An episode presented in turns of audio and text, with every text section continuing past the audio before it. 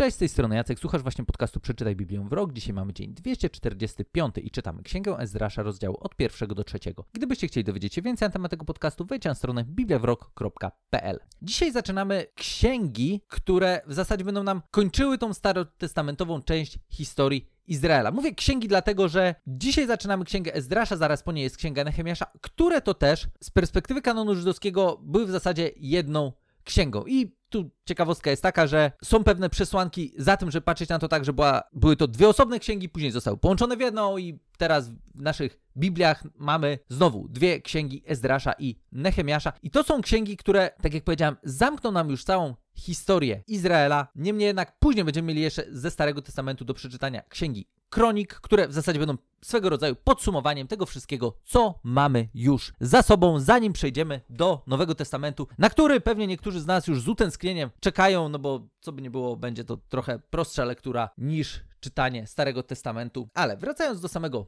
Ezdrasza, historia, która u niego jest opisana, jest historią, która też była zapowiadana przez proroków. Była zapowiadana przez proroków tych samych, którzy mówili o tym, że Izrael kiepsko skończy, jeżeli nie zwrócą się z powrotem do Boga. Oni tego nie zrobili. Była niewola babilońska, tylko że w czasach też tej niewoli, co ciekawe, Babilon zdążył upaść, pojawił, pojawiło nam się inne imperium, w tym przypadku perskie, i mamy tutaj już w zasadzie historię, która, w której już Babilonu nie mamy, mamy inne imperium, które to odegra bardzo ważną rolę w tej historii, która jest przed nami. Może nawet nie tyle samo imperium, co konkretni władcy, którzy tym imperium będą władać. Ważna rzecz związana z, księgo, z księgami Ezdrasza i dalej Nehemiasza jest taka, że w tych księgach widzimy w jaki sposób Bóg dalej realizuje obietnice, które zostały zapowiedziane wcześniej, bo też sama niewola babilońska była też ograniczona czasowo, o tym też, na to też wyraźnie wskazywali prorocy. O tym też czytaliśmy u Daniela, który to właśnie, czytając Jeremiasza, się tam pytał o te lata, które miały upłynąć, zanim przyjdzie jakiś ratunek dla Izraela, zanim Izrael będzie mógł wrócić do swojej ziemi. Więc z jednej strony, z naszej perspektywy, no nie jest to koniecznie zaskoczeniem, że ten powrót w końcu następuje, niemniej jednak to, w jaki sposób on wygląda, może już być dla nas całkiem ciekawe. I to, co mamy opisane w księdze Ezdrasza, to są w zasadzie takie dwie rundy związane z powrotem Izraelitów. Pierwsza jest opisana w rozdziałach od pierwszego do szóstego, gdzie mamy Zerubabela, który przewodzi grupie Żydów, którzy wracają do Jerozolimy po to, żeby odbudować świątynię, a później będziemy czytać już właśnie o samym Ezdraszu, który prowadzi kolejną grupę do Jerozolimy, gdzie już świątynia jest odbudowana i tam z kolei Ezdrasz ma misję związaną z również taką duchową odbudową samego narodu, bo to, że jest świątynia to jedno, a to, że ludzie tam nie bardzo wiedzieli jeszcze niektórzy o co chodzi jakkolwiek w życiu wiary, tak jak to zostało im przedstawione w tych księgach, które my nazywamy Starym Testamentem, no to, to jest osobna historia i tutaj tym zajmuje się już później Ezdrasz, ale to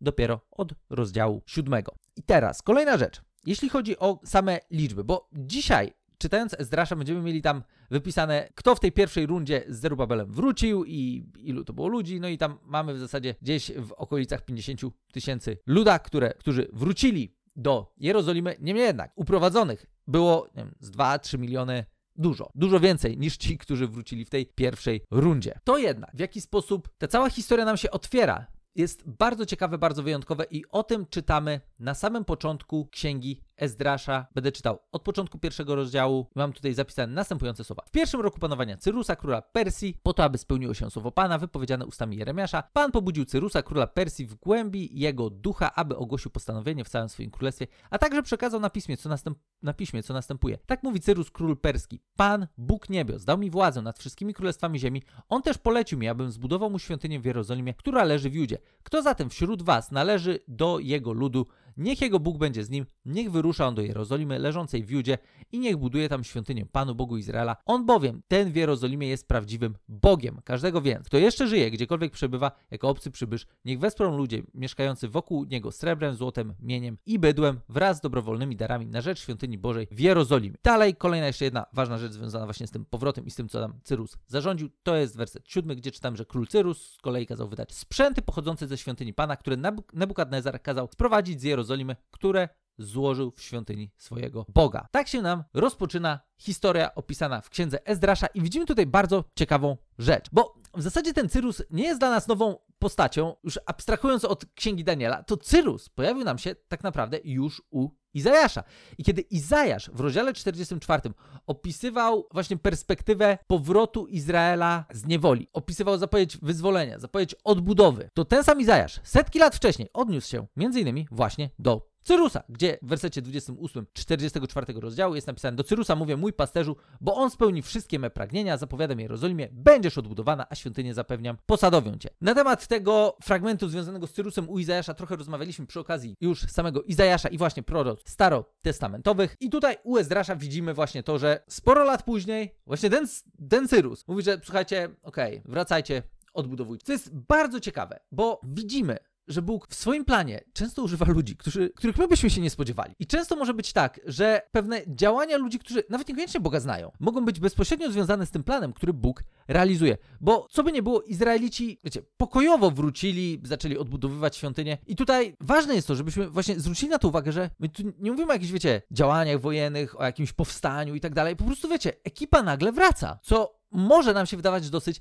zaskakujące. W, w, międzyczasie rozsypuje się nam Babilon i tak naprawdę zaczynam doświadczać takiego odkręcenia tego wszystkiego, co tam wydarzyło się w przypadku niewoli babilońskiej, która właśnie później przerodziła się w zasadzie w, nie, w niewolę e, perską, bo tutaj właśnie królestwa nam się zmieniły, zmienili się nam władcy. No i właśnie Cyrus jest gościem, który nie tylko daje pozwolenie na to, żeby wrócić i odbudować świątynię, ale wręcz do tego zachęca, daje środki. Co więcej, też dba o to, żeby naczynia, które zostały zabrane z poprzedniej świątyni, która została zniszczona, żeby również tam wróciły, żeby były częścią tej nowej świątyni, która ma być odbudowana. Więc Księga Ezdrasza na samym początku pokazuje nam bardzo ważną rzecz. Bóg jest wierny swoim obietnicom. Bóg dba o to, żeby realizować swój plan, który on przygotowa przygotował i Bóg do realizacji tego planu używa też ludzi, którzy dla nas mogą być bardzo zaskakującymi postaciami, kiedy próbujemy patrzeć na nich z perspektywy tego, że oni są Bożym narzędziem, planie, który Bóg właśnie realizuje. Tak zaczyna się nam księga Ezdrasza, zaczyna się od tego, że jest pozwolenie na to, żeby startować, odbudować świątynię. I ta świątynia rzeczywiście na początku jest odbudowywana